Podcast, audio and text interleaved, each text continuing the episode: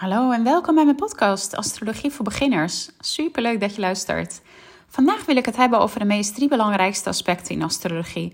Um, ja, waar we dus eigenlijk als eerste naar kijken bij een geboortechart. En wellicht hoor ik je nu denken, wat is een geboortechart? Nou, dat is dus een screenshot van de lucht op het moment dat je geboren bent. Uh, waar dus de planeten op dat moment stonden. En om dit te kunnen achterhalen kun je dat het beste doen bij www.astro.com.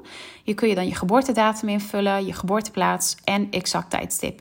En ja, dat exact tijdstip is echt wel heel belangrijk. Want als je een ja, ongeveer tijdstip invult, dan krijg je een beetje een ongeveer chart eruit te zien. En dat is eigenlijk net niet handig. Maar goed, deze chart geeft je dus um, ja, heel veel inzicht over je persoonlijkheid. En zo kun je jezelf ja, veel beter leren kennen. En je zelfbewustzijn daardoor ook uh, onwijs vergroten. Je krijgt inzicht over ja, wat zijn je talenten, wat zijn je vuilkuilen. En ja, nog echt zoveel meer. Maar goed, dat ga ik je in de komende podcast allemaal uitgebreider uitleggen. Uh, voor nu gaan we even terug naar de drie belangrijkste aspecten. Dat zijn dus de zon, de maan en de ascendant. En als eerste gaan we het hebben over de zon. En waarschijnlijk ja, ken je dit als je sterrenbeeld. De zon geeft je namelijk inzichten ja, in de basis van je karakter. En het verwijst ook echt naar de verlangens van je ego. Um, je sterrenbeeld ja, geeft vooral inzicht ja, hoe jij van diep van binnen bent. En ja, wat je echt heel graag zou willen.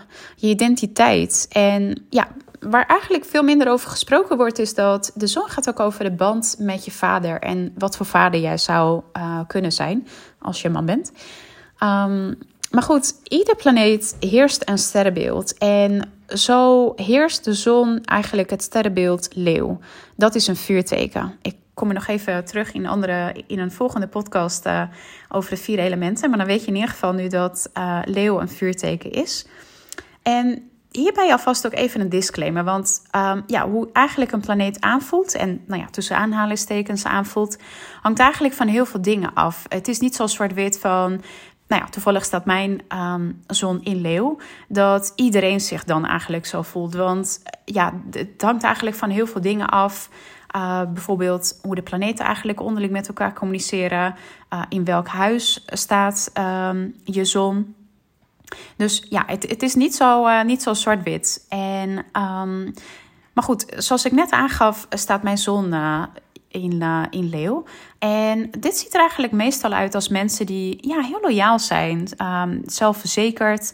Ze zijn heel erg outgoing en willen ook wel graag in de spotlight staan. En ja, bij het laatste kan ik me eigenlijk uh, zeer slecht in herkennen. Maar goed, dat heeft dus eigenlijk ook te maken met hoe mijn zon met andere planeten communiceert.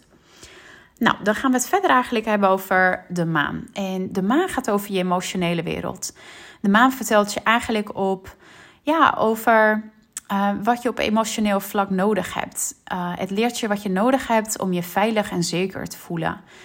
De maan laat ook bijvoorbeeld zien um, ja, wat verband jij met je moeder hebt en wat voor moeder jij uh, zelf zou zijn. Dus de zon gaat over de vader en de maan gaat over de moeder.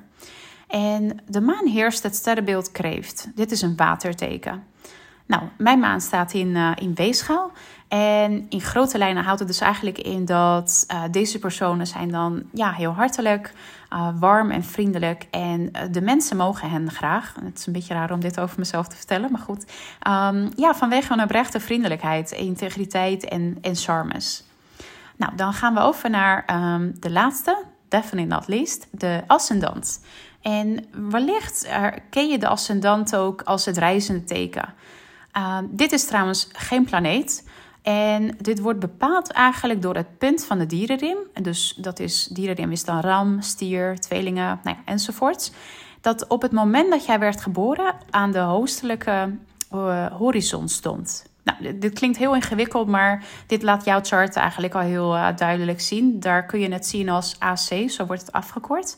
En hier hoef je dus helemaal geen moeilijke berekening of zo uh, over te doen. Dat, dat, dat kun je eigenlijk dus al, uh, al snel zien. Maar wat de ascendant eigenlijk vertelt is dat uh, het laat zien hoe jij op de buitenwereld overkomt. ja, wat voor indruk jij maakt. Dus jij kan je van binnen zeg maar de, je zon zeg maar voelen. Dus nou ja, bijvoorbeeld bij mij staat die dan in leeuw. Maar op de buitenwereld kom ik dus als een weegschaal over. Want nou ja, mijn ascendant staat dus ook in weegschaal. En ehm, ja, als je dus niet heel erg herkent in je zonneteken, net zoals ik bijvoorbeeld dat heb, dan is de kans heel groot dat, ja, dat je je wat meer herkent in je, in je ascendant. En ja, dus tussen de ascendant en je zon, dat wordt nog wel eens door elkaar eigenlijk gehaald. Maar de belangrijkste verschillen zijn dus dat je zonneteken geeft eigenlijk inzichten over je identiteit en je karakter. En je ascendant op hoe je eigenlijk op het eerste gezicht op anderen overkomt.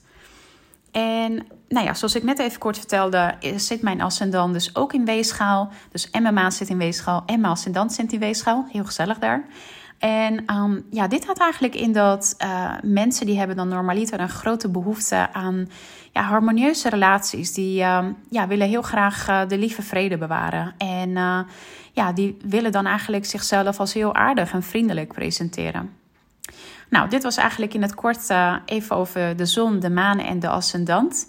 Ja, uitgebreid valt er Uiteraard valt hier echt ja, veel meer over te vertellen over deze onderwerpen. Maar ja, ik wilde het kort en behapbaar houden. Uh, dus ja, vandaar heb dat ik even deze samenvatting heb gedeeld. Maar ja, mocht je vooral uh, willen weten hoe deze aspecten in detail in jouw chart zich eigenlijk vertalen. Ja, schroom vooral niet om een reading met mij te boeken. Dan kan ik je daar helpen om, daar, ja, om daarachter te komen. En dan kun je in de show notes kun je eigenlijk het linkje hiervoor vinden om, een, om je reading te boeken. Nou, voor nu heel erg bedankt voor het luisteren en uh, ja, tot de volgende aflevering.